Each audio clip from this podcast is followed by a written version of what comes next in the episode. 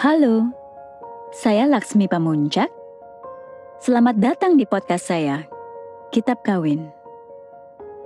Podcast ini membahas tema-tema seputar cinta dan perkawinan dari perspektif perempuan tentang perempuan.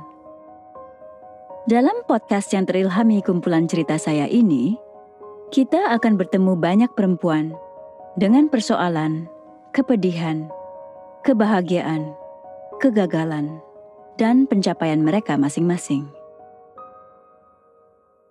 Saya juga akan berbagi tentang proses penulisan setiap cerita.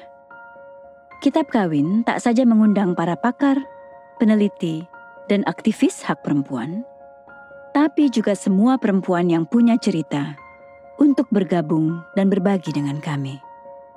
Podcast ini didukung oleh Potluck, Gramedia Pustaka Utama, dan saya sendiri.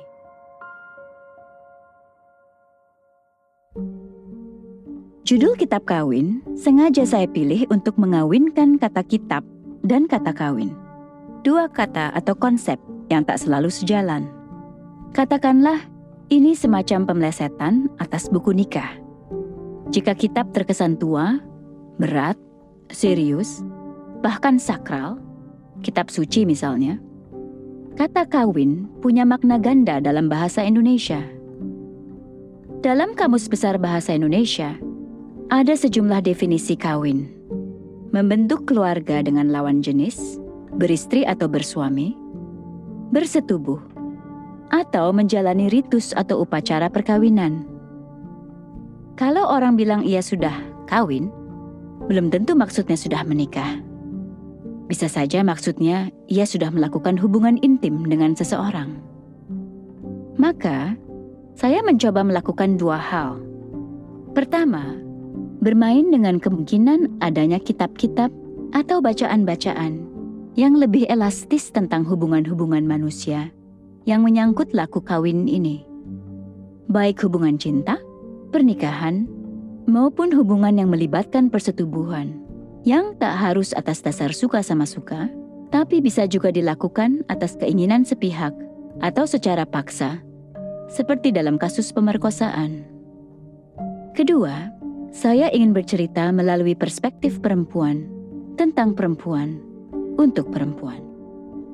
Ini bukan berarti laki-laki tak bisa mengatasnamakan, apalagi memahami perempuan. Tapi, ada pengalaman-pengalaman serta pergolakan-pergolakan tertentu yang hanya bisa dirasakan dan dialami oleh perempuan, terutama yang menyangkut tubuhnya, dan yang hanya bisa diutarakan kepada sesama perempuan. Dan perspektif perempuan dalam cerita-cerita ini bukan perspektif perempuan yang diidealisasi atau diromantisir. Perempuan-perempuan dalam kumcer ini tampil seperti apa adanya. Kadang ragu, mencela-mencele, enggak konsisten, enggak pede, enggak adil, sok tahu, bahkan sedikit kejam dan manipulatif. Sebagaimana banyak perempuan tak merdeka, perempuan juga tak selamanya korban.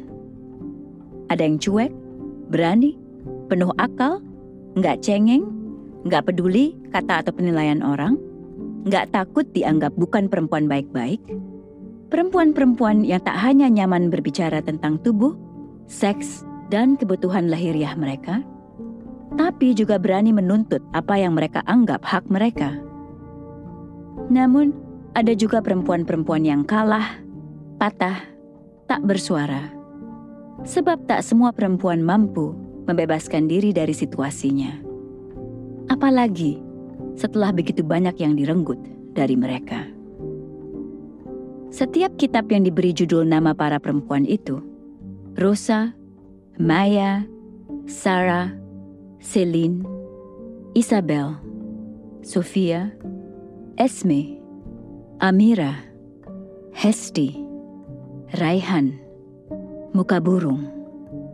Adalah kisah si perupa, si seniman, si pekerja toserba, si karyawan, si instruktur yoga, si ibu paruh baya, si pekerja resto Korea. Ada yang diduakan suami, ada yang disodor-sodorkan suaminya ke laki-laki lain, Ada yang dihajar suaminya di hadapan orang banyak, ada yang diperkosa bapaknya sendiri. Ada pula yang jatuh hati pada istri abangnya sendiri. Ada yang dipaksa menikah pada usia sangat dini. Dan ada perempuan nun di Pulau Buru yang merasakan keintiman sejati untuk pertama kalinya.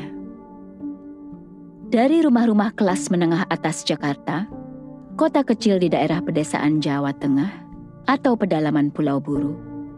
Kitab-kitab ini tak saja berkisah tentang jiwa-jiwa yang buncah, kesepian, dan terlantar, tapi juga tubuh-tubuh yang sakit dan terpasung. Beberapa dari perempuan-perempuan ini melakukan perlawanan dengan cara-cara yang tak selamanya membebaskan.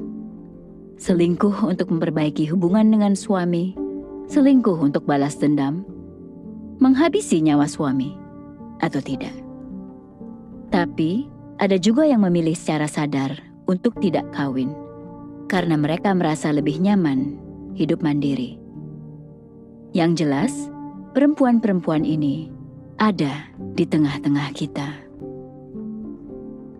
Selamat mendengarkan.